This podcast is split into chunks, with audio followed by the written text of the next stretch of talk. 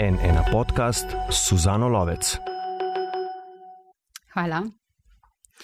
Uh, lepo zdrav, dragi gledalci in gledalke, poslušalci in poslušalke. To je še en en ena podcast. Uh, danes o kakovosti javnega prostora v Sloveniji, o izginjanju, o uničevanju javnega prostora. Govorili bomo tudi o ograjenih soseskah, uh, tako imenovanem maročnem terorizmu, o nesnaževanju javnega prostora z džambo plakati, o okrasitvi skrožišči um, po državi. Uh, In še o mnogih drugih pomembnih temah.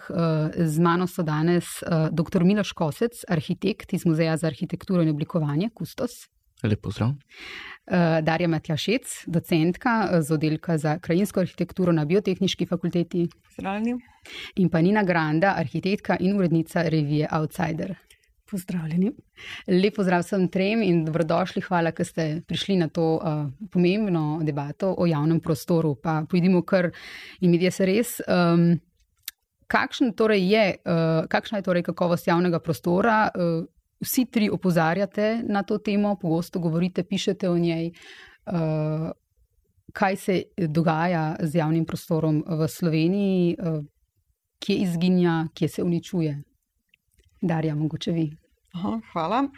Uh, jaz bi rekla, da uh, javni prostor je uh, zadnje čase ali pa zadnja leta, mogoče celo desetletja naprej od osamosvojitve, uh, zelo na udaru. Ne, pozabili smo mogoče zagotavljati javni interes in vse prepogosto se v našem javnem prostoru, seveda govorimo o fizičnem javnem prostoru, spravi o odprtem prostoru naših naselij, naših mest, uh, ta javni prostor postaja tarča nekih zasebnih interesov. Ne? In ti interesi so lahko različni. Lahko so to vem, interesi kapitala, lahko so interesi posameznikov.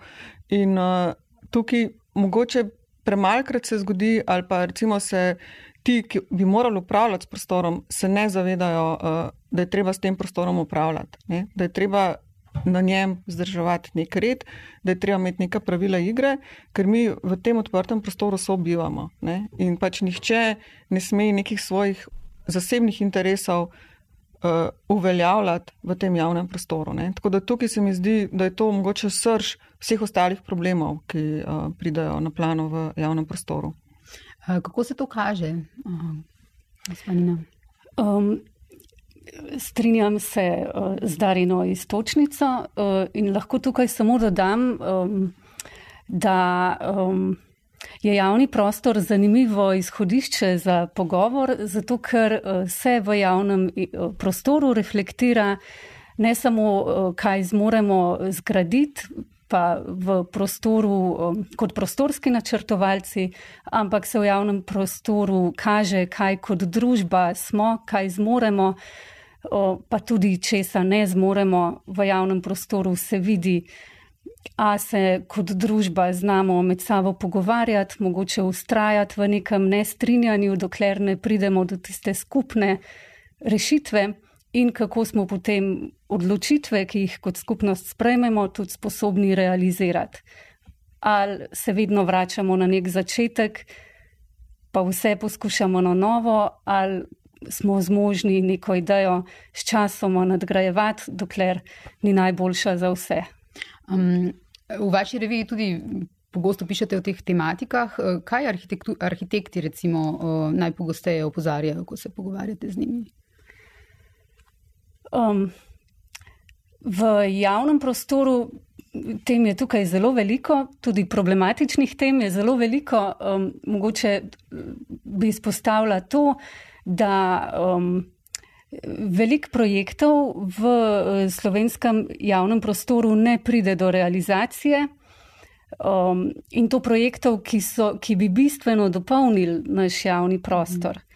Um, naprimer, en tak primer, o katerem večkrat pišemo in upam, da so zdaj napočili boljši časi za njega, je nova knjižnica NUK 2, ki je dala ki je zelo nazoren primer, na katerem lahko spre, pač vidimo, kje vse se nam kot družba zatika, upam pa, da bo tudi to primer, kjer lahko vidimo, da pa nam pa na koncu vendarle uspe. Mhm. Doktor Kosec, um, če bi naredili nekaj rezime ali pa neko uh, diagnozo sedanjega stanja, uh, kje smo v Sloveniji z javnim prostorom in kaj je šlo mogoče narobe v preteklih letih? Zdi se mi, da uh, je javni prostor, tako kot ste obe predhodnici že izpostavili, v resnici en, uh, eno polje preizkušanja in komunikacije. Obenem je pa tudi, v, še posebej v Sloveniji v zadnjih letih, uh, se kaže njegova vloga m, ene. Uh, ostanke ene zapuščinske razprave ali pa ene, uh, enega stečajnega postopka. Uh, skratka, javni prostor je razumljen kot surovina, ki si jo je treba, um, če se le da, in doskrat se uh, to da, nažalost, prisvojiti, um, razmejiti ali pa vsaj upravljati um, s tem prostorom. Ne? Tukaj ne govorimo samo o neki dobesedni privatizaciji, recimo odkupu nekdaj javnih uh, površin. Pa se recimo to tudi dogaja na primeru nekdanjih sosesk, ne? kjer se um, skupne funkcionalne površine so se pozneje privatizirale, spremenile v plačljiva parkirišča. Na, na prvi pogled banalen primer, ampak kaže, da v prehodu iz enega sistema v drugega nismo imeli vzpostavljenih mehanizmov, ki bi, branila, uh, ki bi branili um, neke ne simbolne, ampak čist praktično potrebne površine za to, da skupnost deluje. Ne? Uh, po drugi strani pa seveda govorimo tukaj tudi o začasnih, parcialnih. Um, Strategijah prisvajanja prostora, lahko gre za tako banalne zadeve, kot recimo za gostinske vrtove, ki napolnijo um, javne površine po mestih. Tukaj ne gre za to, da bi bile te površine prodane, ampak če je nek trg, ki je načeloma vsem dostopen, um, odprt, programsko odprt od prostor, ker um, se lahko vsi zadržujejo, de facto um, razparcelira na posamezne komercialne uh, ponudnike storitev, um, to pomeni, da je to v bistvu en popolnoma drugačen prostor, kot pa um, vsem dostopen, odprt, vedno dostopen trg. Um, jaz bi tukaj upozoril še en zelo pomemben preizkus odpornosti družbe skozi javni prostor, ki se je zgodil v preteklih letih pri nas. Uh, in to je kriza uh, COVID. Um, ko se je naenkrat izkazal tudi v javni diskusiji, predtem se mi zdi, da smo v javnem prostoru res govorili arhitekti, pa posamezni kritični posamezniki, um, kakšna civilna inicijativa. Potem, ko se je zgodila popolna zapora družbe, ko se je čez noč uh, se prepisala pravila uporabe um, nekde samoumevnih površin po mestih in tudi izven mest, se je izkazalo, kako bistven je za kvaliteto življenja ta del prostora, ki na prvi pogled ne pripada nikomor ali pa ki si ga je možno prisvajati. Ne. Um, tukaj ne govorimo samo o trgih in ulicah, tukaj ne govorimo samo o vrtovih in parkih, uh, govorimo tudi o pokritih um, javnih prostorih. Ne. Um, kako samoumevno se je vsem zdel, recimo, da so se te pokriti javni prostori zaprli. Da se je Cankarjev dom zaprl, ki s svojimi pasažami, recimo uh, pred dveri, je bil zametek enega zaprtega, pokritega javnega prostora. Um, in s tako lahkoto se je en ta sestavni del urbanega življenja preprosto najprej zaprl, kot da to ni problematično, kot da gre za eno dodano vrednost. Ne? Ampak uh, ta zaprtje je bistveno vplivalo na možnosti, na kvaliteto življenja ljudi. In po mojem, da je sleherniku pokazal, da družba ni sestavljena samo iz stanovanj, pa prometnic med stanovanji in službo, ampak um, da je bistven sestavni del tega, da družba sploh lahko nekje obstaja. Kot nekaj več, kot pa samo seštevek posameznikov, prav javni prostor. Če ga ni, potem je ta družba v bistvu obsojena na virtualni prostor, um, ker pa vsi vemo, da ima lahko ne samo pozitivne, ampak tudi negativne posledice. In, in zato je javni prostor tako pomemben. Uh, zakaj danes govorimo o tem, zakaj vi opozarjate na to, uh, kako bi recimo na kratko poslušalcem in poslušalkam uh, opisali. Zakaj je ta tema tako pomembna, da se v bistvu arhitekti z njo ukvarjate, krajinski arhitekti, sociologi? Ja, zdaj nekaj je že nakazal kolega Kosac. Ne? Bistvo je, da je odprt javni prostor naših mest pod enakimi pogoji dostopen za vse. Ne? In kadar se začne pač nek, nek drug interes pač uveljavljati nad tem, da bi pač bil javni prostor enako dostop, pod enakimi pogoji dostopen za vse, se pač to začne rušiti. Ne? In tako kot sta pač oba predhodnika opozarjala, je res to ena zelo dobra preizkušnja, kako mi znamo, recimo, sobivati med sabo. Ne? Kako znamo, kako znamo, recimo, kako se znamo obnašati v javnem prostoru. Sej, v bistvu ne gre tudi samo za fizični prostor, ampak nasplošno vemo, kakšno je uh, stanje v družbi. Ne? Ampak zelo enostavno se to potem tudi res odraža v, v javnem prostoru. In kar meni mogoče tako uh, zelo bega, bi jaz mogoče še po eni strani razumela, da mogoče posamezniki ali pa da slehernik ne zmore tega razumeti, ne, da mogoče se obnaša v nekem javnem prostoru, kot da je pač on tam sam, pa gre mogoče preko nekih drugih nekih javnih interesov ali pa javnega interesa, ampak imamo, v bistvu bi naša družba morala tako funkcionirati, da imamo mi neke inštitucije ali, ali pa naša država deluje tako, da imamo pač nekoga, ki bi moral bedeti na tem in bi moral ustrezno upravljati z tem prostorom. Ne? Tako da pri nas se veliko krat ali pa praviloma vedno zalomi ravno pri tem upravljanju. Se pravi, prva stvar je, kako načrtujemo mesto mhm. in koga načrtujemo, kako, kako ga načrtujemo, ne? ali sodelujemo s tem za javnostmi, ali pač rečemo, ok, prenovili bomo tlake in potem pa pač prostor funkcionira naprej po svoje, ali pa celo uporabljamo neke stare neupravljalske oziroma te upravljalske navade, ne, ne, spremen, ne spremenimo tega upravljanja s prostorom. Skratka, tukaj se mi zdi, da je bistvo problema in tukaj, če bi, če bi to upravljanje spremenili, ne, da, bi, da bi postal naš javni prostor lahko kakovosten. To je torej, uh, kaj apel na občine, na državo, na inšpekcije, tle se pogosto tudi zelo mi. Ja, zdaj inšpekcije so res, mogoče tista ta naj. Zadnja stvar, ne, takrat, ker res nič več ne funkcionira, eh, ampak to je zelo slabo, ne, da, da, bi, da bi morali računati na to, da bo zdaj inšpekcija delala red. Je pa sigurno tukaj so pa moje lokalne oblasti tiste, ne, ki bi morale znati uh, načrtovati in pa upravljati prostor in pri tem razumeti, participacijo javnosti. Uh, torej, osveščanje je tudi verjetno tisto, govoriti o tem. Uh. Osveščanje je seveda pomembno, ampak uh, kot je kolegica Matija Šec izpostavila eno bistveno stvar, upravljanje s prostorom je ključno. Sploh, če gre za organe, ki so zato tam, da s prostorom upravljajo. In, um, Sej, tukaj smo lahko tudi zelo konkretni. Recimo v središču Ljubljane, na Ljubljanici se, so se pojavili neki kontejneri z džakuzi, plavajoče hiške. Uh -huh. Eh, ki so pravzaprav, eh, to ni bila inicijativa od spodaj na vzgor ali pa neka, da bi se pojavil zasebnik, ampak so tukaj upleteni tisti, ki odločajo o prostoru z vrha dol, uprava občinska. Ne? In um, tukaj ni problematično samo to, da so oni kar se odločili pa postavili dve plavajoči hiški z džakuzi na Ljubljanico, tudi Ljubljanica je seveda skupen prostor, dostop do nje, pogled na njo. Um, problematično je končno tudi čist izvedba tega, ker tukaj, če že, ne, ko bi vsaj šlo za neko presežno kraj, arhitekturno ureditev v sklopu krajinske ureditve, pa ne gre za presežek, gre za nekaj zelo generičnega nekaj, kjer ni bilo vložena, nek, brez presežka. Ne? In če to dopuščamo v javnem prostoru, da se to dogaja od spodaj, od zgoraj na vzdola, ne? pa pravzaprav ni, bi lahko bila morda še ostrejša reakcija na take posege. Dokler to sprejemamo, no, um, javni prostor ni urejen tako optimalno, kot bi lahko bil. No. Mhm.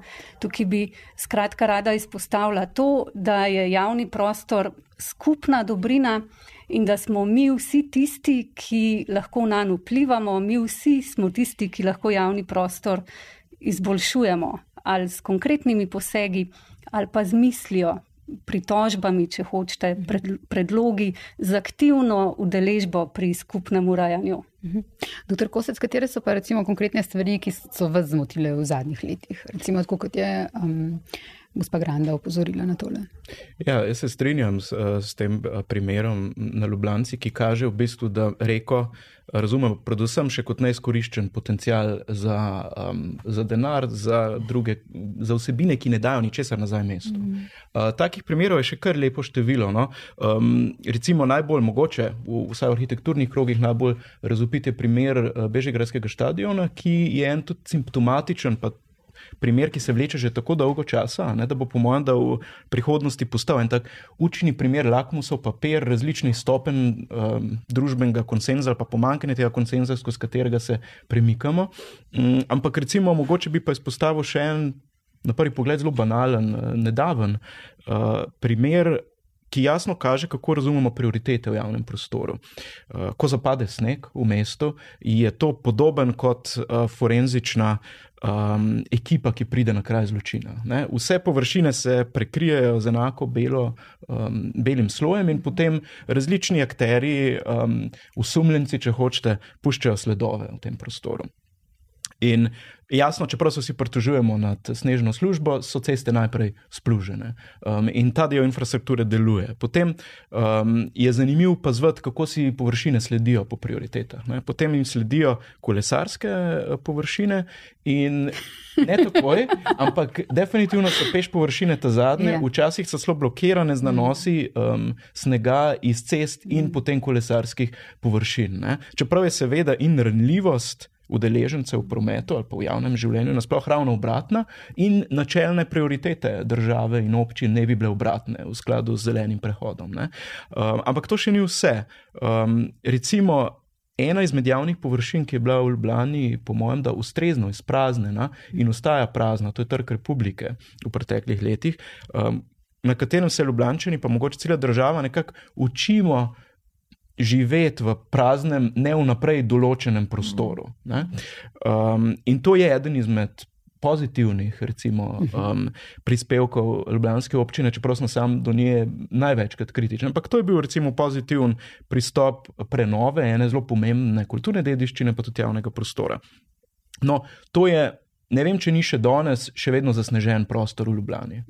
Um, z dvema potkama, ki greste po diagonali, um, ki kažete v bistvu čist prioriteto, kako razumemo pomembnost javnega prostora. Če gornji avtomobilov, če ni komercialnih prireditev, potem je v bistvu to um, en nepotreben prostor, s katerim ne znamo, nočemo upravljati, in to se pač tudi pozna. Um, zakaj imamo problem z javnim prostorom, eh, kjer ustane sneg, ta prostor razumemo kot neuporaben, mogoče celo moteč. Um, Ko ste sodelovali v poglobljeno članku o Plečnikovem stadionu, ste, mislim, da rekli, da ko ste študirali uh, doktorat, ste upravljali v uh, tujini, ne, da so v bistvu strokovnjaki tam niso mogli razumeti, da so rekli, da tako bizarnega primera neizkoriščenega javnega prostora oziroma da se z nekim tako pomembnim um, simbolom tak, na tak način dela, da je zaprt in propada, da, da kaj takega še niso slišali. Ne.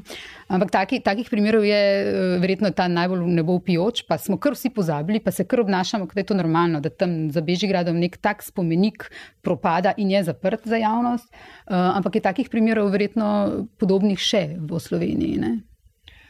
Uh, mogoče ne v točno taki obliki, mm -hmm. zdaj mogoče ciljate na kaj. Uh, ne, neč ne. Aha, okay. Ampak recimo, jaz bi rekla, da recimo propadajo tudi že neke čist nove ureditve mm -hmm. javnega prostora, ki so bile pridobljene z natečajem in so bila recimo mestna središča uh, prenovljena. In ker so se pač te stare upravljalske neprakse dogajale naprej, mm -hmm. so ti ti, recimo, ti trgi ali pa te ulice začela praktično že takoj, naslednji dan po izvedbi propadati. Ne? Recimo, če pogledamo uh, novo mesto, uh, Mursko sobota, sama si upam trditi, da recimo mestni trg v Škofi Loki. Je zdaj tik pred prenovo, ampak že propada. Mhm. Čeprav še sploh ni prenovljen, ker, pač, ker, ker vem, da se, da se ta upravljalska praksa ne bo spremenila, ne? ker se niti ne potrudijo, da bi že zdaj mogoče začeli se ukvarjati na to temo, ne, da bi se začeli s prebivalci pogovarjati, ki se zdaj prilaščajo trg v obliki vem, par, lastnih, parkiranih lastnih avtomobilov, gostinskih vrt, neurejenih gostinskih vrtov in razno raznih drugih dejavnosti, ne, naprimer nekih komercialnih dejavnosti, ki, ki se zgodijo praktično čez noč, ne, prebivalci sploh ne vejo in imajo recimo lahko naslednji dan, ko pridejo iz službe, zaprt trg za neko uh, komercialno dejavnost. Ali pa recimo pride nek, ne vem, gostinski, gostinski vrt ne, in, se, in se ogradi. Ne. Se recimo ni tam, kjer je načrtovana, kjer nač, uh, načrtovana ureditev z natečajem pridobljena, kjer se vidi, ne, kjer recimo mogoče. Vsej večina prebivalcev ugotovi, da je določena poteza na tem trgu namenjena gostinskim vrtovom. Ne, recimo ta gostinski vrt bo raje tam, kjer je najbližje stavbi ne, in kjer je promenada ne, in se ogradi. Recimo takih, takih primerov imamo, po moje, zelo veliko po Sloveniji. Ne. Mhm. Tako da tukaj so, po moje, imamo teh nevarnosti komercializacije. Ne, uh, prežijo na, na vsakem koraku. Ne. Mhm.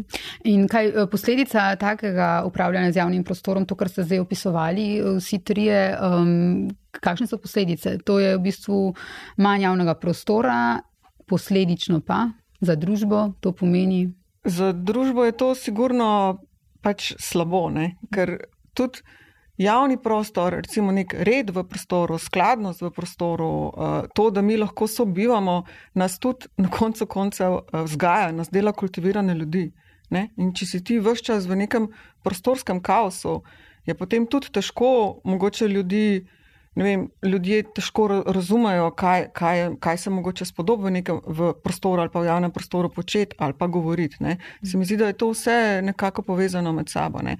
To, da se mi recimo gibljamo v nekem kaotičnem prostoru, kjer ne vem. Nimamo neke ne vem, skladnosti, miru, ampak vse čas v nas točajo komercialne reklame, obglavljena drevesa, pisane fasade, uh, naložene stvari, ne vem, No, pejmo zelo lepo po ja. vrsti. Ja. Pa pojdimo eh, k pisanim fasadam. fasadam. Eh, prej ste mi rekli, da, da, to, da je bilo mogoče to večji problem pred par leti, ampak vseeno bi rada izpostavila, torej govorimo o tako imenovanem uh, mauričnem terorizmu. Uh, mislim, da je uh, arhitekt Boris Matič prvi, ne, upam, da se ne motim, no, ampak mislim, da je on prvič uporabil ta, ta uh, termin uh, v mladini leta 2010, ko je pisal o tem fenomenu, torej ta množica um, res um, tudi nenavadnih, ogabnih uh, uh, barv na naših hišah, ki točejo seveda v javnost, ne v tistega, ki v njem, ja. v njem živi. In zato govorimo, ne, kot je bilo pojasnjeno, o terorizmu, ker v bistvu ta, te barve zadevajo nas, ki smo odzunaj, torej javnost. Um, On je takrat rekel, ne, da v bistvu je uh, učinek tega, kar se dogaja, te tekme, kako bi bil vsak bolj unikaten z barvo svoje hiše, uh, da, da je rezultat tega počasen razpad um, naših vasi in mest. Uh, kje smo tukaj, recimo? Ja, jaz bi rekla, da se je mogoče to malo umirilo. V nekem trenutku je bil res tak uh, teror, ne? na vsakem koraku so se prenavljale hiše, ampak se mi zdi, da so potem glede na to, da se je tudi veliko v medijih. Uh, So se pojavljale razno, razni članki, stroka se je na veliko oglašala na to temo, mm -hmm. da se je vseeno ta zadeva umirila. Sama sicer nisem arhitektka, sem krajinska arhitektka, ampak si upam trditi, da se je tudi včasih opazilo, da te barve niso obstojne in te hiše zdaj bledijo ne, in postanejo neka senca same sebe. Uh, tako da tukaj se mi zdi, da da se je mogoče stvar, stvar ni več tako zelo aktualna. Sveda je pa to ostalo v prostoru, ker pač vsi taki posegi v prostor so trajne narave. Ne? Enkrat, ko se te, pač težko ti kar potem čez noč, ne vem lasnika uh, prepričaš, ne, da, da je treba drugače. Ne. Tukaj bi tudi rekla, da mogoče je manj tega pri nekih novogradnjah, uh mhm. -huh. zato ker novogradnja pač določajo prostorski akti in v prostorskih aktih je praviloma predpisana tudi nek, nek razpon barov, ki so določene, sedaj pa težje uh, to kontrolirati pri nekih prenovah. Ne ki ne grejo mogoče skozi soglasja in tam se po moje to težje, eh, težje kontrolira. Ne. In težko potem, po moje, ni nekih vzvodov, kako pač uh, te lasnike uh, prepričati, da sanirajo nastalo situacijo, ne? ker je to vse povezano s stroški. Um, kako bi ljudem, ki recimo se odločajo za barvo fasade, pojasnili, zakaj je narobe, da je njihova uh, fasada kričeče zelena? Um, v Sloveniji, ne učinkotere. Ja, tudi jaz bi rekla, da je mogoče v zadnjem desetletju, odkar se je stroka, pa potem tudi javnost začela oglašati, pritoževati nad uh, tem, kako si nekdo s kričečo fasado uzurpira na ta mhm. način del javnega prostora. Mislim, da je prišlo do nekega premika in da se to zdaj pojavlja manj. Um, tukaj, kaj svetovati? Pač to, da v prostoru nismo sami, mm -hmm. prostor je od nas vseh, pa tudi če gre za zasebno lastnino, ki pa vendarle meji na nekaj skupnega.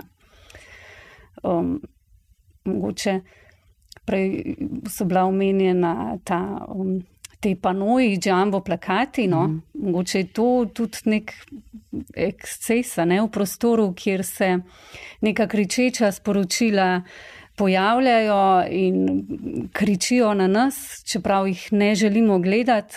Um, to se mi zdi pa res problem, ki, čeprav se tudi pojavljajo že glasne pripombe z javnosti in strokovne javnosti, pa vendarle se to samo še naprej širi. Um, tukaj moram reči, da se sama eh, zauzemam za to, da se takšno oglaševanje omeji, uh -huh. um, da se jasno določi prostor, kjer se tak način oglaševanja ne bi smel pojavljati. Obstaja pa seveda hkrati nek drug problem, ki bi ga morda oglaševalci željni publike lahko rešili, če bi recimo na mest, da oglašujejo zelo agresivno na javnih površinah, pa jih moramo gledati z ceste, se lahko preusmerijo recimo na tiskane medije, kjer bojo potem svoja sporočila bolj tarčno preusmerili, nagovorili publiko, ki bo imela možnost se sama odločiti, kdaj, če in koliko pozornosti bo namenila njihovim sporočilom. In na ta način bojo sporočila tudi bistveno bolj učinkovita, pa tudi um, oglaševalci se bojo izkazali kot nekdo, ki ceni javni prostor in zasebni prostor. No, ko, ko govorimo o teh džamo plakatih po Sloveniji, tu je res the limit. Mislim, uh, količina tega, je že, kar je alarmantno, mm. kje so, kako so, kaj vidimo, kje jih vidimo, um, v bistvu popoln kaos, ne vidimo po Sloveniji. Um, vi veliko krat na to uh, opozarjate, uh, tukaj se pa stvari niso izboljšale, kaj pridane. Uh, jaz bi rekla, da se en, eni mali zametki kažejo. Uh -huh. uh, tako da tukaj bi mogoče bi opozorila, kaj, kaj je mogoče tako bistveni problem tega oglaševanja uh -huh. v mhm. odprtem prostoru, je to, da mi nimamo izbire. Ne? Da vse posod druge v medijih ali kjerkoli se to oglaševanje pojavlja, imamo možnost izbire, se mi lahko umaknemo. Uh -huh. uh, Komercialnemu oglaševanju. V javnem prostoru pa pač nimaš te možnosti. Ne? Vsi ti uh, oglasni panoji, vse te reklame so seveda načrtno na nekih lokacijah, kjer se mi gibljamo, ne? ob cestah, ob, na pločnikih, spaj ne moreš, nimaš, mo, nimaš možnosti izbira in to je največji problem tega. Ne? In tukaj potem velja za te oglaševalce ali pa te koncesionarje, ki imajo pač neka fama, da so zaradi tega zelo učinkoviti. Ne? Ampak nihče, nimamo pa recimo narejenih raziskav, ali so zares učinkoviti, ne? ali je to, da imaš ti da nimaš možnosti izbire, ali je to že dovolj, uh, da je ta oglas učinkovit, ker jaz mislim, da pač ni to dovolj, zato ker je prostor prenasičen uh mhm. -huh. z temi oglasi. In ker je prenasičen, preprosto ne morejo imeti ti oglasi uh, učinka. Zdaj, če bi lahko samo še dodala, ja, stroka se že vrsto let, združena prostorska stroka, ne, se že vrsto let bori proti temu. Uh, že v času. Vlada Mira Cerarja smo dali na vlado uh, kot združena stroka dopis, kjer smo pač na široko pojasnili to problematiko, da bi se sanirala. Takrat je tudi v državnem zboru bila narejena analiza evropske zakonodaje. Uh, to se da najdete na spletu, jaz sem to prebrala in večina evropskih držav uh, ima to zelo dobro rešeno. Zdaj, kaj je zanimivo, je zanimivo še to, da je prejšnja vlada Jana Zajanše v zakon o prostorskem načrtovanju uh, dala notor uh, dikcijo, da zdaj pa ne vem na pamet, se vprašujem, se nisem pogledala, ampak mislim, da do junija leta 2024 mora država ali pa občine morajo izven naselij odstraniti uh, vse komercialne oglase. Uh -huh. Uh, to je v bistvu zelo, zelo dobrodošlo. Uh -huh. Tako da jaz mislim, da bi občine že zelo morale delati na tem. Tukaj se bo, seveda, se bodo hitro pojavljali uh, se bodo pojavili problemi, ker se bo začel pač izigravati to, ker se bodo najprej se bodo začeli spraševati, kje se zares naselje neha. Ne? To bo, po mojem, ena tema. Druga stvar pa je, kdo bo sveda saniral, ne? kako bomo te lasnike uh, zemlišč prisilali, da, da bodo oni te oglasne ponoje odstranili. Uh, tako da tukaj bi, po mojem, se že zdaj morali zelo s tem ukvarjati, ker čas beži. Ne? Ta uh, dikcija v zakonu je, po mojem, že več kot eno leto in v tem trenutku se ni zgodilo prav nič. Uh -huh. uh, smo pa mi, recimo, v našem kolektivu za dve slovenski občini razvili metodologijo uh, regulacije oglaševanja na prostem uh, v mestih. In v eni občini se ni na to temo zgodilo nič. Uh, mislim, da so dali to noter v OPN, v prostorski akt, uh, ampak izvajajo pa ne tega določila. V drugi občini so se pa neki majhni premiki zgodili na način, da so vse oglasne ponoje odstranili skozi ovce. Tako da jaz to zelo. občino bomo zdaj škofja loka. Tako da jaz to uh, zelo pozdravljam in se mi zdi, da je vsak majhen korak uh, na to temo dobrodošel. Eh, potem je pa seveda, če se bomo mi, ko se bomo znebili teh oglasnih, uh, komercialnih oglasov izven naselij, se pa seveda še vedno postane problem uh, naselja. Mm -hmm. uh, tukaj smo pa tudi potem, ko smo razvili to uh, metodologijo regulacije, smo z pomočjo gisovskih uh, modelov uh, spostavili neko kulturno analizo prostora, spaj dobili smo v naših naseljih neke, neke dele naselij, ali pa dele teh mest, ki imajo neko posebno kulturno vrednost, kjer enostavno komercialnega oglaševanja ne bi smeli biti. In to smo z modeli vidnostmi računali, se pravi, recimo ne vem, na nekih območjih eh, v Dud. Na, recimo v vidnem polju družbenih objektov, se pravi osnovnih šol, zdravstvenih domov, eh, v vidnem polju kulturne dediščine, zelenih površin, ne, da z njimi ne zakrivamo uh, pač, kulturne dediščine. In ko smo mi, recimo, mm, Škofijo Loko, ko smo pač za njo to naredili, uh, ko smo to analizo naredili, je recimo zanimiv, zanimiv rezultat prišel ta, kar bi mogoče že lahko neko strokovnjak na pamet povedal, ampak pač nima za to nekih argumentov, se je potem izkazalo, da je edina taka, edin tak prostor, ki nima kulturne vrednosti, je industrijska cona, mm -hmm. pa uh, trgovska središča. Mm -hmm. kar, kar se mi je zdelo tako zelo zanimivo, se pravi, da smo vse en pač imeli neko, neko, da smo zastavili pač skokovostno metodo ne? in imeli smo s temi analizami dokaze, zakaj je ta prostor toliko vreden, da pač komercialnega oglaševanja ne sme biti v njem. Um, da si bodo gledalci in poslušalci poslušalke in gledalke eh, lahko predstavljali. To je v bistvu govorimo zelo konkretno o tem, da ko se človek vozi po Sloveniji, ne vidimo teh idiličnih podob, ki jih naslikajo recimo um, spoti o Sloveniji, ki si jih v naših mislih vsi predstavljamo, kako Slovenija zgleda, ampak Slovenija zgleda v bistvu plakat pri plakatu. Mhm. Uh, in to takšni in drugačni, uh, različnih velikosti, um, tam, kjer se le lahko so, ne, tudi tam, kjer so prepovedani v bistvu ob avtocestih, so potem oni še večji, zato da se jih vseeno vidi na avtocesto.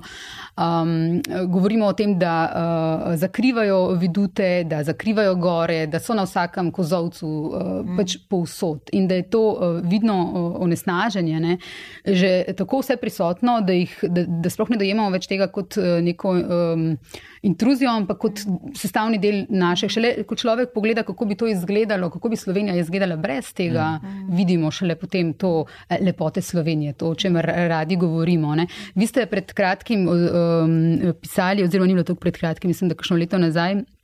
V, v delu o tej problematiki. Um, In rekli ste točno to, ne, da pri zanešeno ni bilo niti o srednjem arhitekturnemu slovenskemu simbolu, um, torej kozovcu. Uh, plakati so seveda samo površinski simptom kratkoročnega in stihijskega upravljanja dežele in države, ki se je brez resnih ovir razpaslo kmalo po začetnem osamosvojitvenem zanosu. Kakšno je torej to upravljanje stihijsko dežele in države, da imamo tako stanje, kot ga imamo zdaj?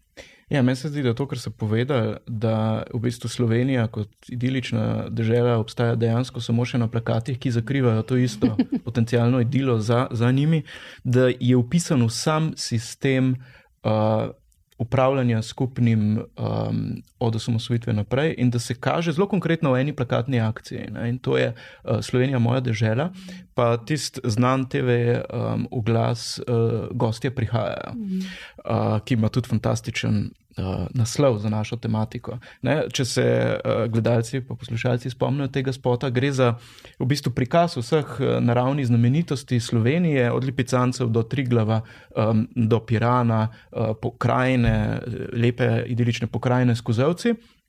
Ampak vmes pa, jih pa povezuje kader gospoda, ki uh, z um, lestvijo se sprehaja po. Um, po Logrski dolini. Ne. In na koncu tega spota vidimo, zakaj se sprehaja z lestvijo, zato ker postavlja plakat. Um, Dobrodošli v Sloveniji v različnih jezikih. Ne? In skratka, to isti predmet tega uh, oglasa spremeni v, um, v plakat, s tem pa v bistvu tudi pomaga, da pove dobesedno, da smo navajeni na prostor in na naravne kulturne znamenitosti um, gledati predvsem kot na možnost uh, komercializacije, izrabe, um, izkoristka še uh, nerealiziranega potencijala, recimo, če lahko take fraze uporabim v tem primeru. Monetizacija. Tako.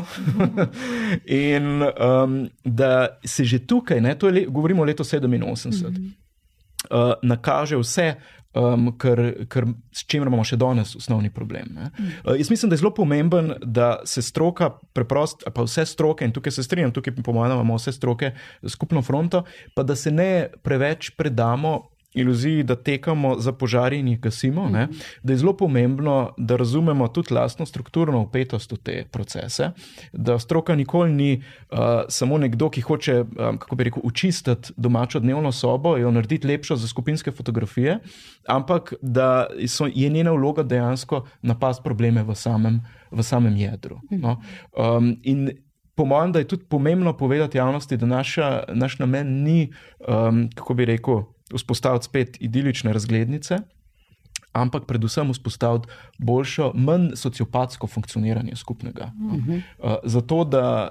Um, Da se vedno poudarja, da seveda na trgih imajo tudi gostinski um, vrtovi svoje mesto. Ne? Ni evropskega trga brez kavarne. Ne gre za to, da hočemo zdaj učistiti vse površine in jih narediti v eno zamrzno razglednico krasne mrtve arhitekture. Sploh ne. Ampak gre za dejstvo, da vsaka, tudi vsaka hiša, ki je obdana z visokim plotom um, na veliki zasebni parceli, je še vedno uh, del um, skupnega. Jo to jo dela v normalno okolje za življenje, vse tudi, kar je na drugi strani te ograje. Um, javni promet, šole, vrtci, zdravstveni domovi, možnost rekreacije, tudi če nimaš lastninske pravice nad um, ogromno površino, uh, vse to dela družbo. No? In na koncu konca je v čist racionalni in racionalnem interesu prav vseh posameznikov, um, da skupaj, uh, da se zavedamo, da to, kar je skupno, da, da ima vrednost, ne pa da je samo eno prosto polje za uzurpacijo. Uh mhm. -huh. Drugače se znajdemo v družbi, ker vsi paraziti parazitiramo na tistem, um, na čemer lahko. No. Mm. Tako da tukaj je zelo pomembno povedati, da to je skupni boj, ne pa nek boj za čiščenje, um, sterilizacijo prostora. Mm -hmm. mm, ja, če smem tukaj sam um, tudi to izpostaviti, da. Um, Obstaja pa v Sloveniji zelo močno, um, močna dediščina, ne samo arhitekturna, ampak tudi oblikovanja vizualnih sporočil. In tukaj pravzaprav bi lahko, je že spet tu ena. Um, Aspekt, kjer bi lahko gradili na znanju, ki ga tukaj že imamo, namesto da dopuščamo, da preveč kriči ravno neznanje. Da se tudi tukaj dogaja degradacija, tudi v tem segmentu. Tako je, ja, mhm. pa ne bi bilo treba. Pa, um, To š, mislim, da še ni uh, tema v strokovnih debatah, ampak mogoče je pravi čas, da bi postala, ali pa je, pa sem spregledala.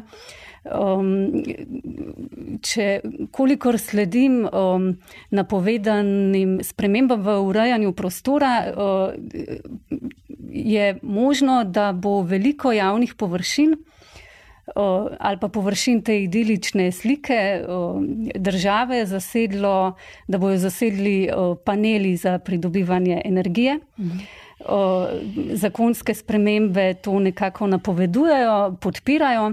Če tukaj stroka pravočasno, torej zdaj, ne zahteva nekega reda, se bo tudi tukaj zgodil en kaos, ki ga bo potem zelo težko za nazaj urejati. Mhm. Kakšen um, red bi bil tukaj potreben? Ja, no, jaz bi mogoče sam dopolnila, da se je stroka, seveda prostorska stroka, že oglasila, tako mhm. da je dala tudi uh, zelo. Uh, natančne komentarje na, na ta zakon o obnovljivih virih energije. Ne, in seveda smo upravičeno zaskrbljeni na tem, uh, kaj ta zakon uh, pač pripravlja, kakšen teren. Ne. Praktično bomo lahko sončne panele umeščali kjerkoli in tako kot je duhovito naš kolega, mlajši kolega, dr. Tadej Belk, omenil, ne, da se nam ne bo zgodilo to, da se bomo čez deset let spraševali uh, ali pa na isti način, kot zdaj iščemo uh, lokacije za sončne panele, da bomo čez deset let iskali lokacije, kje bomo pač pridelovali hrano, uh mhm. -huh. ne, kje bomo imeli naša kmetijska zemljišča. Je, okay, kam paneli sodijo, da bomo biti konkretni? Uh, Oziroma, kam ne sodijo? Ja, uh, jaz bi rekla, da je to mogoče težko zdaj tako na pamet mhm. povedati. Jaz mislim, da so tukaj potrebne za vsako lokacijo posebej uh, neke analize, treba je narediti uh, mogoče neke uh, krajinske značilnosti, neko vrednost prostora no, in kako mhm. se to umesti v prostor. Sveda je potrebno povdariti, da nihče ni proti panelom, ne? sveda pa smo vsi zaskrbljeni na to, kako se bo to umeščalo v prostor. Ne? Mhm. Ali bo zdaj, recimo, če se bo uh, na neko degradirano območje postavlja sončno elektrarno, kar je smiselno, ne? ampak a bo mogoče potem možno še kakšna druga raba pod temi paneli? Ne? Mhm. Vemo, da, zdaj, da so ti paneli lahko neke, na nekih območjih, kjer imamo prekrivajočo se rabo, spaj lahko je to pod objekti, ne? lahko je to na stanovanjskih stavbah, lahko je spodaj uh, kmetijstvo, lahko imamo pašnike, uh, ampak to mora pač nekdo načrtovati. In to niso elektroinženirji, ampak so to arhitekti in pa krajinski arhitekti, ki imajo tudi pač vgrajen v svoje znanje odnos do prostora, do kaj je skladno v prostoru, ali moramo mogoče potem neko tako sončno elektrarno iz vidnega polja uh, odstraniti, kar pomeni, da ima neko sanacijsko zelenje okrog. Uh, tako da to so stvari, na katere ne bi smeli pozabiti. Ne. In zdaj smo na tej točki, ko v bistvu, uh, ne, kot bi bili leta 87, uh, kar se tiče oglasov, ne, ja. ja. v plakatov, ja. ko še lahko v bistvu o tem ja. govorimo, ja. opozarjamo, ja. brez da je škoda mogoče že narejena ne, ja. in ko bi uh, država in skupnost morala poslušati v bistvu, ja. ljudi, ki o tem nekaj ja. vejo. Um, če lahko, če ja, lahko ja, dodam, ja, kar... strukturni problem res razumevanja, ne samo strokovne, ampak tudi javne debate pri sprejemanju odločitev je, da dolg časa je sploh ni bilo. Ne? Mhm. Zdaj, ko je včasih, se razume zelo formalno. Skratka, javna razgrnitev je pač tisti zoprn mesec, ko je treba nekje v upravni enoti razpostaviti nekaj listov, pa upati, da jih noben ne opas, ki bi imel kaj zraven zapovedati. V resnici je pa treba delati na tem, da vsi odločevalci, od občinskih do državnih, razumejo, da je to bolj racionalni sistem, da imamo prej debato in stroko in z uh, javnostmi, um, preden pride do končnih odločitev, da dejansko odločevalci vstopijo v to debato z nekoliko odprtimi kartami, mm. ker bo za njih na koncu koncev, pa za vse nas tudi cenej, pa bolj racionalno, če se prej pogovorimo o problemih, kot pa da gre vse preko trupel, potem pa jasno je um, reakcija tudi nazaj huda, ker so ljudje upravičeno počutijo iz, um, izločeni iz debate. Ne? In nažalost je edini inštrument za enkrat v zadnjih desetletjih, ki je bil. Uh, prisoten za večje infrastrukturne projekte, uh, ena taka javna ihta. Uh -huh. uh, recimo pri drugem teru smo, da vsi trpeli, um, ko je bila ena cela serija, no, nihče ni bil proti drugem teru. Ne? Tako kot nihče ni proti Nuku 2, recimo, um, nihče ni proti um, novi železniški postaji v Ljubljani. Vse to so projekti, ki stojijo. Uh, kljub temu, jaz bi rekel, pa prav zaradi tega mogoče um, že desetletja. Ne? In recimo drugi ter se je začel graditi, ampak na točki, ko je bilo že naveličanje, tudi prav ta ihta se vzpostavlja, ki je edina potisnjena stvari naprej, in potem so ljudje pripravljeni tudi spregledati kakšne strukturne probleme v takih procesih. No? In to ni racionalen sistem um, sodelovanja. Um, ne smemo potem reči, no, dobro, samo da se nekaj zgodi, naj se pa kakorkoli se pač že bo. No? Um, in um, narobe je, da bi ta ihta zdaj postala zavedanje, da ker z energijo imamo problem in je treba graditi na obnovljivih verih energije. O tem se vsi strinjamo spet. No. Samo da bi bil pa to izgovor, da lahko karkoli potisnemo skozi pod krinko. Te nuje, te ihte, um, je pa seveda vzpostavljanje enih še hujših problemov čez desetletja. Um, Odpiramo tukaj zdaj eno debato o prilagajanju mest na podnebne spremembe. Uh, -huh. Vi ste rekli, da je to v bistvu pomembna tema, o kateri je tudi treba govoriti. Uh, in kako se te, uh, to nujno prilagajanje mest na podnebne spremembe pri nas odraža v javnem prostoru? Ali se že in kako bi se moralo? Ne, mislim, da pri nas nismo, smo še zelo daleč od tega. Uh, Medtem ko v tojini to uh, del, že izvajo, ne da načrtujejo, ampak že izvajo zelo konkretno. Uh, tukaj mislim, da uh, nas čaka še ogromno dela, ne? kako ozavestiti odločevalce, da se tega lotijo. Ne? Da pač ni, ni cilj ta, da mi zdaj drevesa brez glave sadimo vse posod, ne? ampak moramo pač imeti uh, neko strategijo. Ne? Tudi ni bistvo v tem, da posadimo neko določeno število dreves, ne, tako kot ima recimo OPN Ljubljana, ne, ki ima predvideno določeno število dreves naraščen teren, ki ga mora pač investitor posaditi, ne, kar privede do tega, da če slučajno posadimo več dreves ali pa damo v načrte več dreves, investitor reče, e, to pa ne, ne ker je tukaj predpisano, da samo toliko dreves. Ne. Druga stvar pa je, da pač izigravajo. To, to po moje zelo uh, lepo vidimo v Rožni dolini, kjer sadijo neka drevesa, ki pač nimajo nobene funkcije. Ne morajo, drevesa so taka, da ne morejo opravljati nobene funkcije, ki ga uh, drevo upravlja v mestu. Vemo, da imajo drevesa zelo pomembne funkcije v mestu. Zdaj, kaj delajo tujini? delajo uh, to, da se ukvarjajo v bistvu s pokritostjo uh, krošanj v mestu, ne? s pokritostjo javnega prostora, javnega odprtega prostora v mestih. Ne? Tako da mesta si zadajajo cilje, da morajo recimo ta delež uh, mestne površine uh, bistveno povečati z pokritostjo krošanj. Drevesa uh, zelo pomembno, recimo, poberajo meteorno vodo. Ne? Mi vemo, da, bo, da bomo imeli v prihodnosti vedno več sušnih dni. In vedno manj uh, dežja, ampak takrat, ko bo, bodo ti nalivi ekstremno močni. Ne? To vemo zdaj že v Ljubljani, kaj se dogaja. Ne? Zadnja leta, mislim, da 2010, 2014, lani, ne? ko je meteorna voda uh, zalivala kleti, uh, Eh, puščale so strehe, podhodi so bili uh, poplavljeni. Ne? Tako da tukaj imajo drevesa recimo zelo uh, pomembno vlogo, da to vodo prestrežejo. Uh, Sveda druge so neke mikroklimatske, ne? ker pomembno znižujejo temperature. V mestih ne? vemo, da so mesta uh, zelo veliki toplotni otoki, To pomeni, da se sončna energija mm, kopiči, ne, eh, beton, odprte grajene površine absorbirajo to toploto in potem jo po noči oddajajo. Ne, in mesto se dejansko ne more skladiti ne, in se vedno bolj segreva. In posledično postaja uh, življenje uh, manj kakovostno v mestih. Ne. Mi zdaj vemo, zdaj že tudi obstajajo podatki iz tujine, da uh, ljudje tudi bolj pogosto zaradi tega umirajo in da če imamo mi hladnejša mesta, dejansko drevesa skrbijo za to, da pač tudi manj ljudi umre zaradi mhm. tega. Ne? Ampak pravim, teh funkcij, ki jih drevesa upravljajo v mestih, je ogromno. Zdaj, druga stvar je, kam pobirati to meteorno vodo, zdaj tisto, česar, tisti del, ki jih drevesa ne poberajo. Ne? V Londonu, recimo, eh, novogradnje ne morejo več. Meteorna voda spuščati v javni kanalizacijski sistem.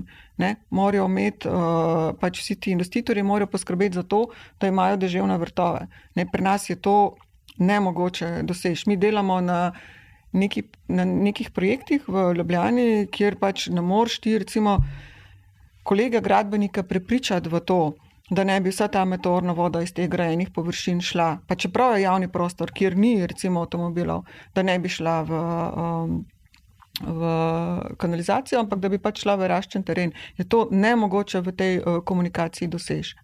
Tudi tukaj bi jaz mogoče, bom zdaj mal skrenila iz teh podnebnih sprememb, ampak se mi zdi mogoče zelo pomembno to, kar je bilo prej izpostavljeno pri teh sončnih elektrarnah, da je zelo velik razkorak pri nas v tem, uh, v tem kako recimo arhitekti, pa krajinski arhitekti, ki gledamo uh, na prostor tudi skozi oblikovanje, ne, pre, pa ne mislim na oblikovanje kot neko formo, ampak pač na vsta načrtovalski proces, kako mi gledamo na prostor, pa kako gledajo recimo gradbeniki, ki ga gledajo pač izključno funkcionalno skozi neke tehnične inženirske uh, odločitve. Ne. In to je mogoče najbolj razvidno zdaj ravno pri teh uh, sončnih elektrarnah. Ali pa, če zelo enostavno povem, pa bodo mogoče ljudje ali pa poslušalci lažje razumeli skozi to, kako, so, kako je cestna infrastruktura načrtovana v naših mestih. Ne.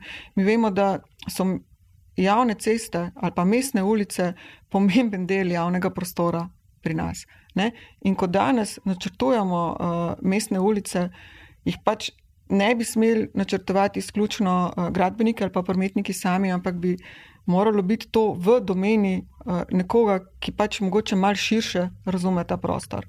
Ne? In seveda lahko tudi promet poteka po teh, uh, po teh ulicah, ampak ne sme biti prioriteta. Ne? Mora biti upoštevana zelena infrastruktura, infrastruktura, ki je danes res zelo pomembna z vidika prilagajanja mest. Um, Na podnebne spremembe, na koncu konca tudi zeleni dogovor, uh, zdaj to uh, narekuje, ne? tudi povečevati moramo biodiverziteto v mestih. Eh, in druga stvar je, da moramo ta prostor načrtovati za najbolj ranljive uporabnike. Ne. Avtomobili so pa tisti, ki bi morali biti podrejeni. Mhm. In to je vse, vse nekako povezano. Zelo kompleksna tema je. No, in je, po moje, težko, če se sfokusiramo samo zelo na eno osko temo. Ne. Saj mi bi morali celoti spremeniti pogled na, mhm. na, na to našo načrtovalsko prakso.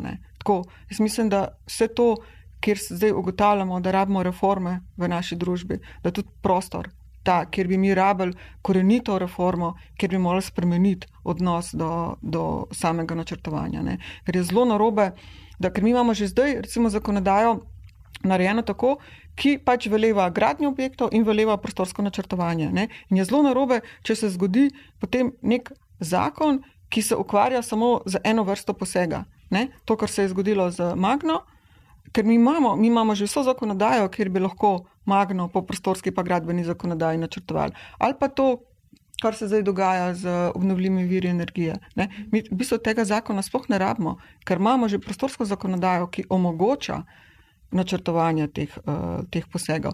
Zato govorimo o tem, da, da bi morali stvari razumeti sistemsko in jih tudi sistemsko reševati in po mojem iti slejko prej skozi eno korenito reformo da bomo znali pa lažje eh, načrtovati, pa sobivati v prostoru in upravljati s tem prostorom. Um, tukaj bi mogoče samo še rekla, da uh, ko ste govorili o različnih drevesih, o tem, da ni vsako drevo v mestu kar enako ja, vredno, ja, ja, ja. Uh, smo imeli na poglobljeno en um, dober intervju, um, ki govori ravno o tem, ne, o mm. pomenu, da moraš tudi vedeti, kaj saditi, kje saditi, zakaj sadiš tam, mm. ne, da ne gre samo, da imamo zdaj. Ne, ja. um, Ja. Toliko pa toliko dreves, ja. kjerkoli. Ja, zelo, uh, zelo pomembno je, da zagotovimo prostor v mestu, da bodo lahko ta drevesa, ki jih zdaj načrtujemo, da bodo lahko zrasla. Mm -hmm. Da ne bodo več, nikoli več ne bodo mogla v teh pogojih zrasti, tako kot še zdaj teh nekih starih dreves, ki jih imamo v mestu, za katere upam, da, da znamo skrbeti, ne? čeprav tudi te uh, bodo slejko prej razno razni posegi ne, ali pa neke načrtovane gradnje jih zelo ogrožajo. Ne. Uh, tako da bomo morali zagotoviti pogoje, da bodo ta drevesa lahko zrasla. Ne. Sveda morajo biti ustrezno načrtovana, ne. ustrezne vrste. Mi tudi vemo, da niso več vsa drevesa uh, primerna, ne prenesejo več rasti v urbanem uh, prostoru. Ne. Zelo velikrat je neka fama, da moramo uh, načrtovati ali pa saditi avtohtona drevesa.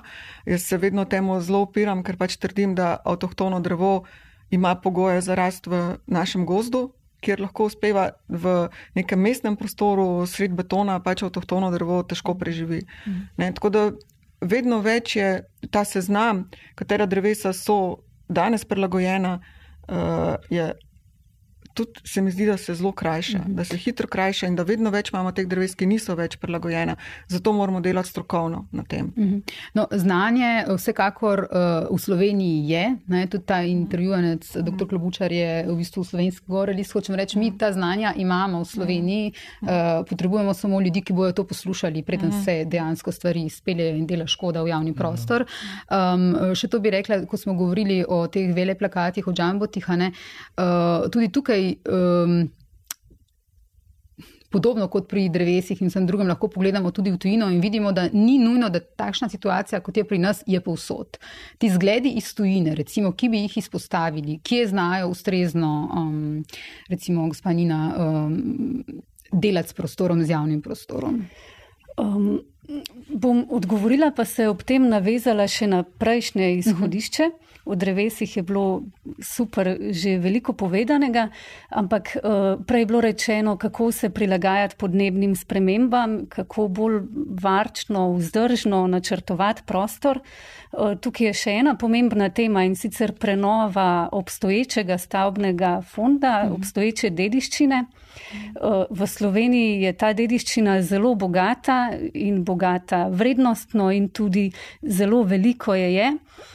Um, in recimo v Nemčiji že nekaj časa potekajo debate celo o tem, da bi individualno stanovansko gradnjo celo zelo omejili ali pa celo prepovedali in tok več energije pa osveščanja pa posvetili stavbam, ki v prostoru že obstajajo. Mhm.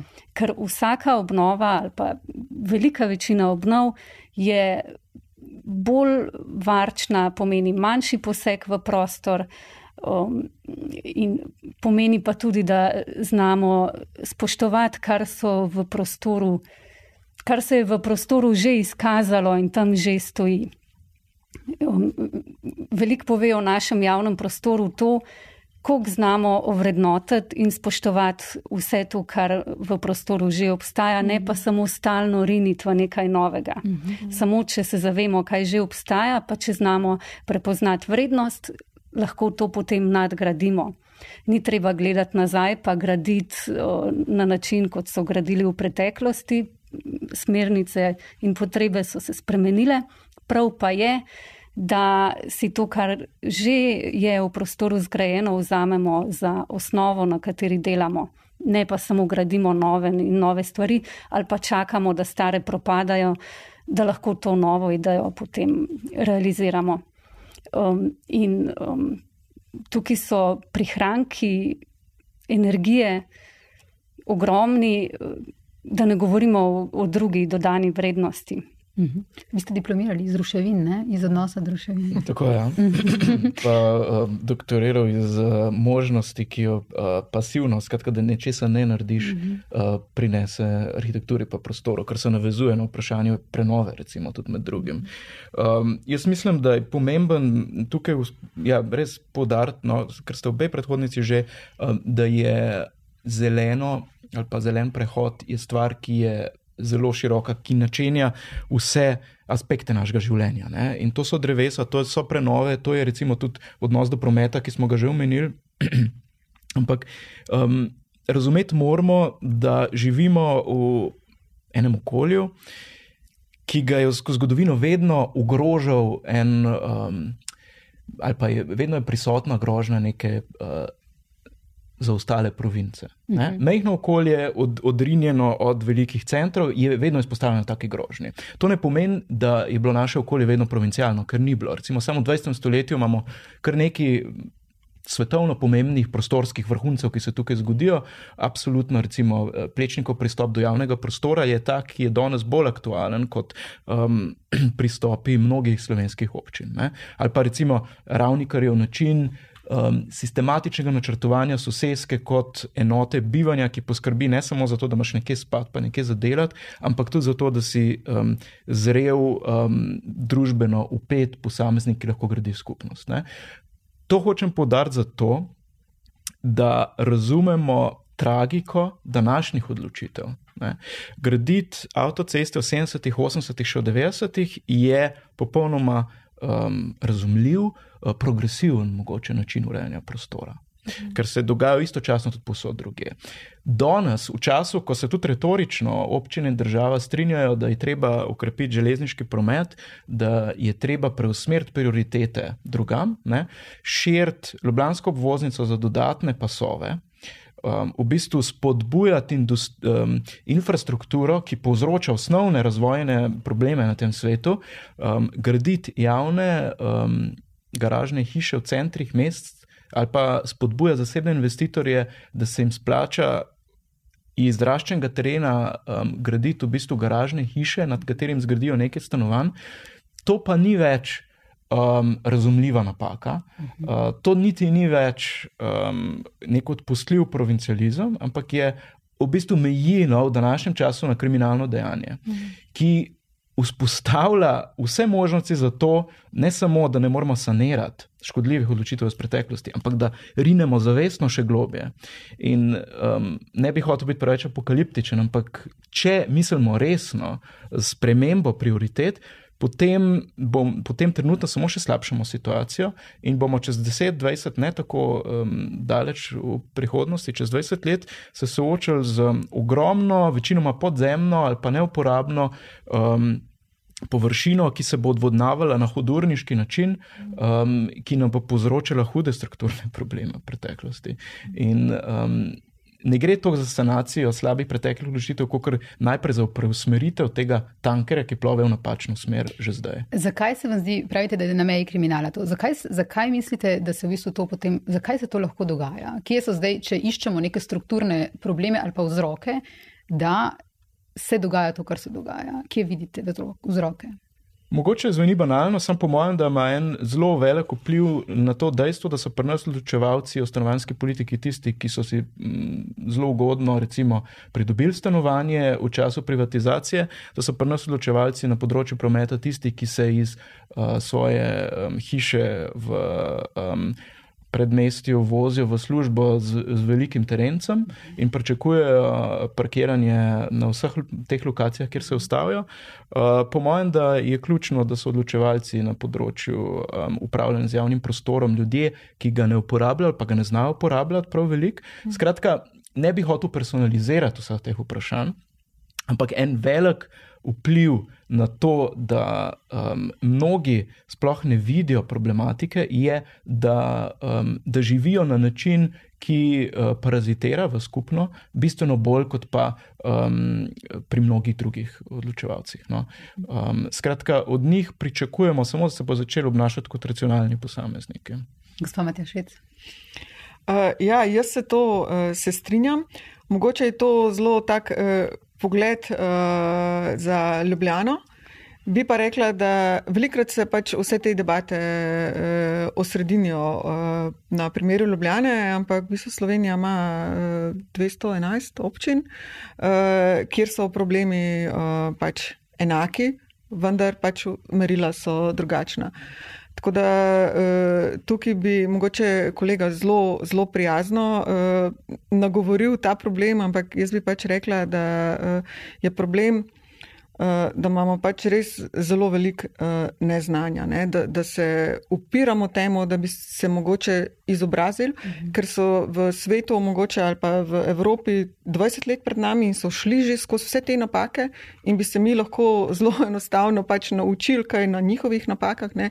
Ampak vendarle uh, bi pa rekla, da je mogoče tudi, vzamem jaz, da mogoče tudi mi kot stroka ne znamo dobro komunicirati uh, teh stvari. Ne? Tako da bi se tudi jaz nas mogoče posipala s pepelom, da bi mi mogoče morali najti nek, nek način, kako, kako recimo s to našo komunikacijo prepričati uh, vse te odločevalce v, v prostoru. Ne? Zdaj, v Ljubljani je pač to, da izrazito mestna oblast pojmuje mesto kot neko, ne vem, neko profitno podjetje, medtem, ker mislim, da to pač v preostalih uh, slovenskih občinah, krajih, mogoče ni to tako, ne? je pa vendar, vendarle pač res ta manjko, uh, kjer ni, ni ne stroke, mogoče ali pa ta ni slišana, ne, lahko je hitro proglašena za neke, ne vem, tiste, ki delajo težave, zdrahe, ne vem, ki so proti vsemu. Ne, uh, in pač občina potem ali pa ti odločevalci delajo po svoje, po, po liniji najmanjšega odpora, ne, ali pa pač nekih parcialnih interesov. Ker dejansko lahko odločevalci to razumejo kot neko zaviranje napredka, čeprav ja. v bistvu vlaganje v javno ja. je vedno napredek. Ja. Tle je ta paradoks. Ja. Um, uh, kar se tiče komunikacije, bi mogoče spomnila, uh, verjetno je res pomembno to, da uh, vsak človek ali pa odločevalci vidijo zelo nazorno, o čem govorimo. Ne? Recimo pri teh veleplakatih uh, je bil ta super um, projekt. Ko so naredili, um, mislim, da so bili študenti, nisem prepričana, um, kako izgleda ulica, če je. So bili študenti? Ja, ja. delavnica je bila. Ja. ja. Kako izgleda ulica, na kateri so plakati ali pa pogledi pač po Sloveniji z vele plakati, pa pogledi brez. In šele takrat, v bistvu, kot gledalec, osupneš, wow, šit, ne, kaj, kaj v bistvu mi imamo, ne, oziroma česa nimamo, pa bi lahko imeli. Ja. Um, mogoče, če se še enkrat vrnem um, na to tujino, no, uh, kateri pa so države, ki bi nam bile lahko za zgled se je verjetno kar tako povprek um, eno izpostaviti, uh, je verjetno težko, ampak mogoče kakšni projekti iz tujine, ki pa bi bili um, neke svetle točke tudi nam za zgled, no? če že ne znotraj. Um, Lastnih vrst prepoznamo tega, kaj bi morali poslušati. Jaz bi tukaj izpostavila um, še to vprašanje, kakšen je odnos med zasebnim in javnim, kako zasebno in javno sobiva. Zdi se mi, da naprimer če gledamo mesta, Dunaj je primer mesta, kjer se mi zdi, da so to ravnotežje mm. med javnim in zasebnim, da tam zelo dobro deluje na način, da drug drugega spodbuja, deluje skupaj, ne pa se bori eno mm. proti drugemu. Mm. To se mi zdi, da je um, za velik aspektov naše trenutne slovenske družbe značilno, da tega ravnotežja ne znamo čist določiti. Da po eni strani bi radi kar vse uh, probleme rešili sistemsko, kar včasih morda pomeni preveč. Od zgoraj na vzdolj, na način, da se ne morda najprej prepozna pobud, ki pa v prostoru že nastajajo, zasebnih pobud, eh, pripravljenosti. Um, nekih individualnih poskusov, kako izboljševati skupni prostor. Mislim, da je veliko vprašanje danes, kako um, to pripravljenost zasebno, ki v prostoru obstaja, mhm. kako tej pobudi pomagati, kako jo zavestati, kako jo razumeti, kako jo usmeriti na način, da bo čim boljša za skupnost, ne pa je razumeti kot um, avtomatično nekaj slabega, nekaj, um, kar dela škodo, nekaj, kar misli samo na sebe. Ker v resnici, um, ko bomo enkrat znali uh, združevati javno korist in hkrati omogočali vsakemu posamezniku, da bo uh, to, kar zna in zmore, čim bolj lahko realiziral v prostoru, v javnem sistemu, takrat. Um, se bo to zagotovo poznalo tudi v lepše urejenem javnem prostoru. Uh mhm. -huh. Ampak to eh, zelo zadeva recimo tudi vprašanje stanovanske politike. Um, trenutno ni samo težko graditi za državo, zelo težko je graditi tudi zasebnikom, ki še vedno rešujejo večino stanovanskih vprašanj, pač je še vedno rešenih na lastno pobudo. Uh mhm. -huh. Kako te um, vse te napore, ki obstajajo, usmeriti na dober način, jih spodbuditi tako, da bojo v prostoru zaživele uspešno in pomagale celemu sistemu. Um, ko smo pri stanovanjih, jaz ne morem mimo tega, da spet ne govorim o ograjenih sosedskah, o tem smo tudi na poglobljeno že pisali. Uh, torej, dogaja se, predvsem v Ljubljani, ampak tudi druge, da uh, obstaja ta trend eh, sosedsk, ki se gradi za neko višjo kupno moč, ki so potem na koncu te sosedske ograjene. To je trend, ki je prišel k nam iz tujine. Um, tudi stare sosedske se v bistvu um, vse bolj zapirajo, mnoge pač dobivajo ograjo. Um, uh, Zakaj se to dogaja? Oziroma, rada bi pocitirala Sonjo Hirst, dr. Sonjo Hirst iz Tujine, ki je, pisala, ki je napisala knjigo Železne zavese in govori točno o tem fenomenu. Ona pravi, da gre za tako imenovani privatizem, da, se, da je to ograjevanje, izkazovanje lastništva, k čemu verjetno spadajo tudi pisane fasade, ne? na en način. Um, da, da, da je to pogosto v bistvu uh, rezultira v, v tem, da je osiromašeno mesto, izgublja se uh, zelene javne površine in arhitekturno deliščino. Se na, na, na, kal, na, kol, na, na kako brutalen način se to dogaja tudi pri nas? Gotovo na manj brutalen način, kot smo recimo navajeni iz recimo Južne Amerike, uh mhm. -huh. ampak trend je pa gotovo zaskrbljujoč. Uh -huh. Um, in je izraz teh istih um, tendenc. Um, to je zaskrbljujoče pri nas. Razmeroma nova stvar, ki pa je pognala korenine in je bo zelo težko uh, regulirati oziroma prepovedati. Um, tukaj pa je ena, en aspekt um, degradacije, ki po mojem, da ne potrebuje tako zelo nekega aktivizma, pa upominjanja, ampak pač eno resno intervencijo. Um, Na koncu koncev zato, ker um, kogarkoli pokroviteljsko se sliši na slabšem, so ljudje na obeh straneh ograje. Um, in to, da se v bistvu tudi funkcije, ki se morajo reševati v domeni skupnega zelene površine, igrišča, um, neke funkcionalne skupne površine, no, da se urejajo za um, omejen, um, številčno in finančno omejen krok ljudi, um, ne samo, da je neka simbolna nezaupnica skupnemu, ne, gre za igro simbolov, ampak pač dejansko za ustvarjanje iluzije, kot da se lahko ogradiš od sveta, ki te obkroža, kot da z njim nimaš nič. Um, to pač preverljivo ni res. Um, dejstvo je, da ljudje na drugi strani ograje še vedno uporabljajo javni servis in da so um, vse, kar so prejšnje ali pa sedanje generacije ravno tako um, financirajo, prejšnje so pa zgradile, recimo pri nas, uh, tudi če se ne vlaga v gradno, recimo v javnem prostoru. Um, in da je ne mogoče postaviti dejansko zid med sabo in družbo. Um, se ni treba imeti za to grejene sosedske. Že um, samo graditeljska hiša z veliko garažo in veliko, m, velikim vrtom, ki je največkrat potem. Breme, tudi lastnikom, energetsko breme, socialno breme, uh, breme za vzdrževanje, Um, na koncu koncev ni treba imeti kmetije doma, da imaš občutek, da ne moreš iti na počitnice, niti če imaš ogromen vrt za vzdrževati. Um, je nekaj, kar je pač asocialno. No? Um, in tukaj je potrebna uh, ne, ne omejitev ali pa ne regulacija, ampak pač prepovedati ogrejevanje sosedsk, ne govorim ogrejevanje zasebnih vrtov, to ni nobeni, nobenega smisla to regulirati, ampak sosedsk v urbanem okolju to je nekaj nedopustnega. Mm. Treba je posežno v, v to stanje. Mm -hmm. ne, tukaj, če jaz lahko samo dodam, ne, recimo ta sosedska ali pa to naselje, ki se je načrtovalo v, eh, na Bokalcih, mm. ne je bil en tak zelo zanimiv paradoks. Ne. Eh, prodajala so se stanovanja znotraj te ograje, ampak hkrati se je pa prodajal tudi pogled mm. na na okolico, na Ljubljansko barjane. Ja. Uh, tukaj res se mi zdi, da je bil en tak paradoks. Ne, uh, Ki bi ga investitor ni odkupil za to, da, ja, da, da ja. lahko stanovalci gledajo. Ja. Ja.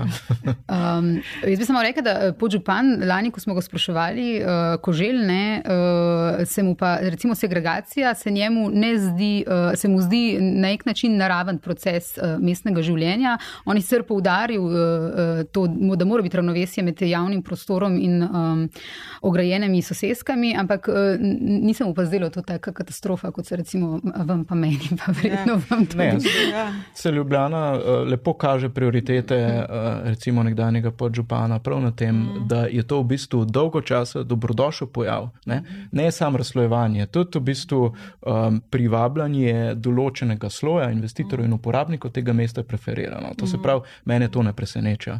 Um, to je gentrifikacija v tistem najslabšem. Kot lepo piše tukaj na tej stavbi, ki jo gradijo za našim, našo stavbo, uh, se je pojavil uh, en grafit, ki ustraja in ga vsak dan vidim, mm. uh, gentrifikacija uh, 100 km na uro. In uh, to je v bistvu to, o čemer govorimo. Mm.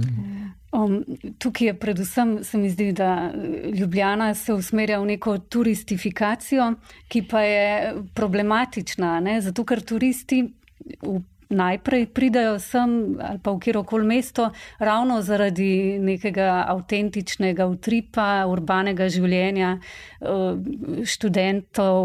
Um, Programsko živega, vitalnega mesta. Ampak, če pa uh, na silo potem podrejaš javni program turistom, mm -hmm. pa ravno to pristnost uh, pač eh, preganjaš mm. izven centra in s časoma se mm. potem to pozna tudi na turistih, ki ne hodijo več tako množično, zato ker je na svetu še veliko drugih mest. Mm -hmm.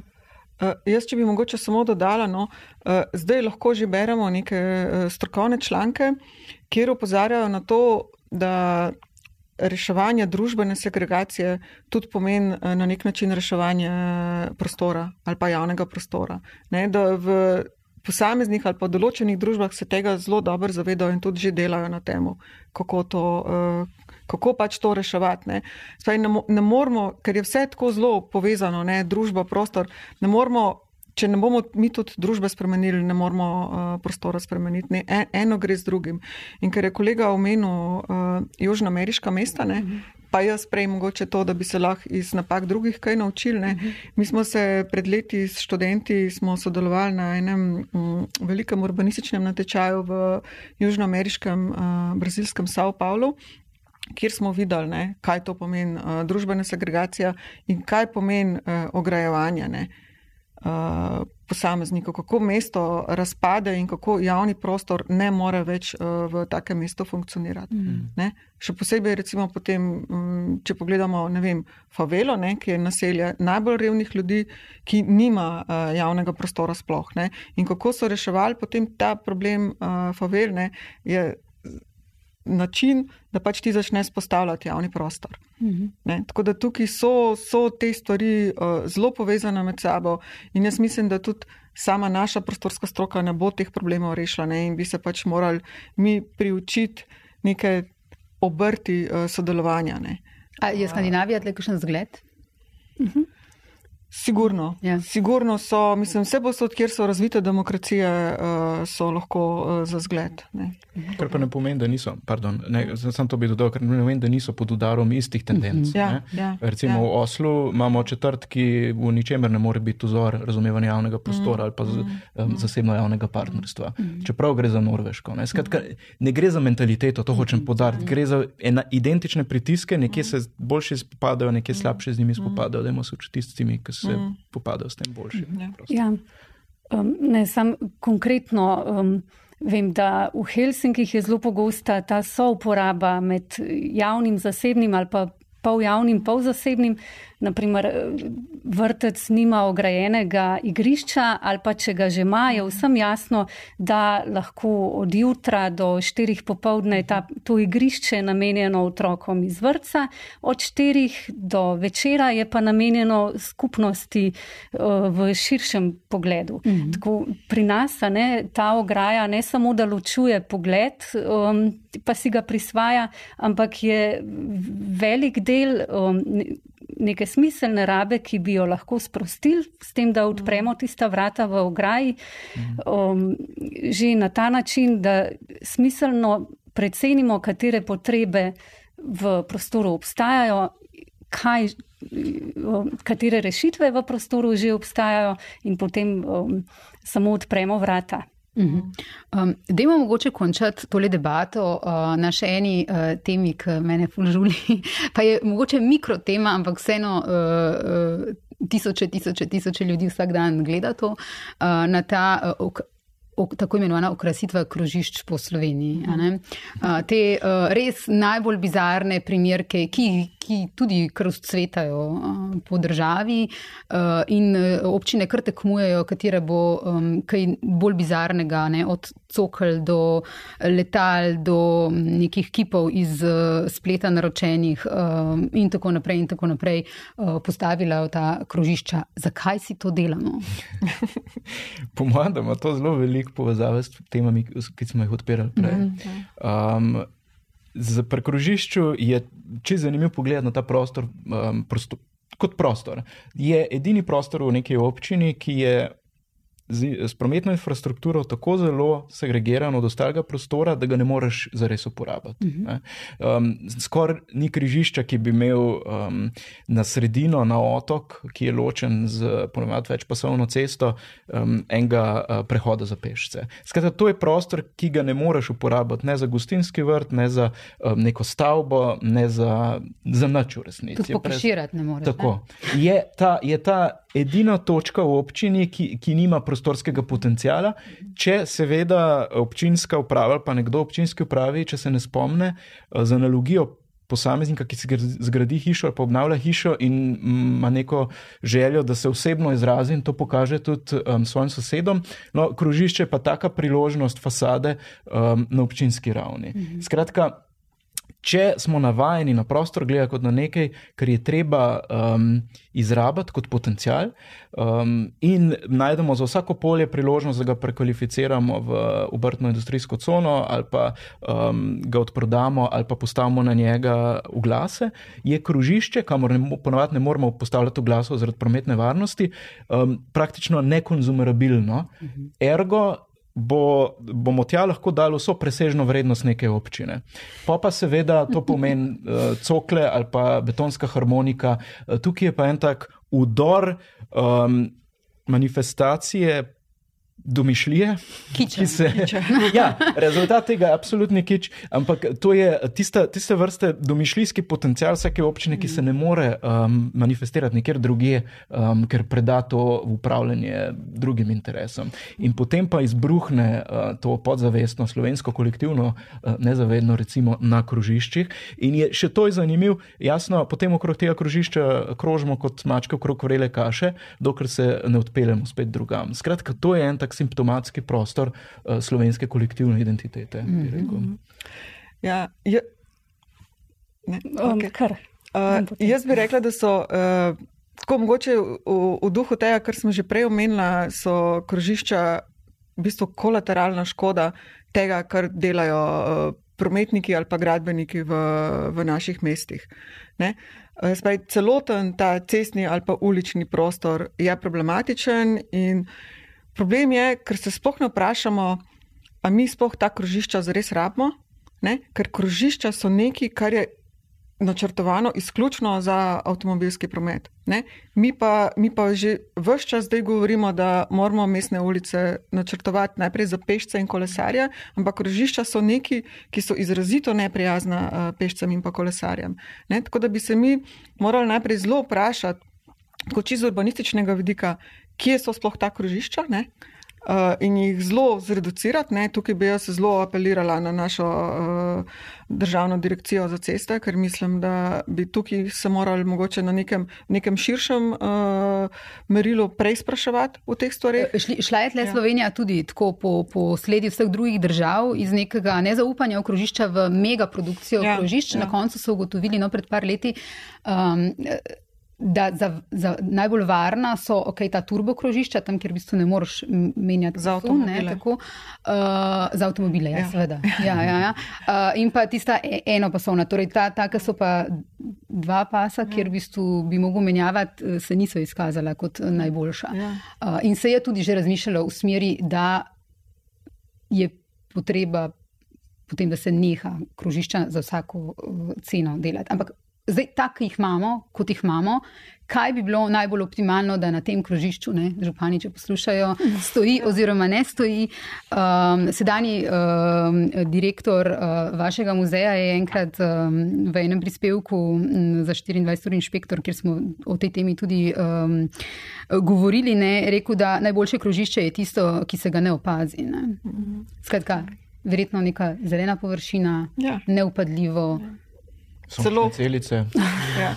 Ali pa, pa celo brez prometnih znakov, ne? ker tudi vidimo v vsak krak, ne? po katerem prideš v krožišče, ima potem not v rondoju eh, obvezni znak za obvezno smer in vemo, da to sploh ni, ni predpisan, ni potrebe po tem znaku. Tako da celo res prazen nič bi lahko bil v, eh, v teh površinah. Uh mhm. S tem, da zdaj recimo, ne vem, imamo tudi primere, ko govorimo o krožiščih, tudi v nekem javnem prostoru, ki so načrtovana po principu Naked Street, gole ceste, uh mhm. -huh. ne, kjer, in kjer pač ta uh, Bailey, ki je to izumil, pač on trdi, da samo zbegan šofer ali pa zmeden šofer je varen šofer. Uh mhm. -huh. Spaj, da mi z načrtnim oblikovanjem cestnega prostora šoferje prisilimo, da vozijo varno. Ne pa, da delamo neke široke ceste, varna križišča, kjer so vozniki spodbojani, da, da vozijo hitro.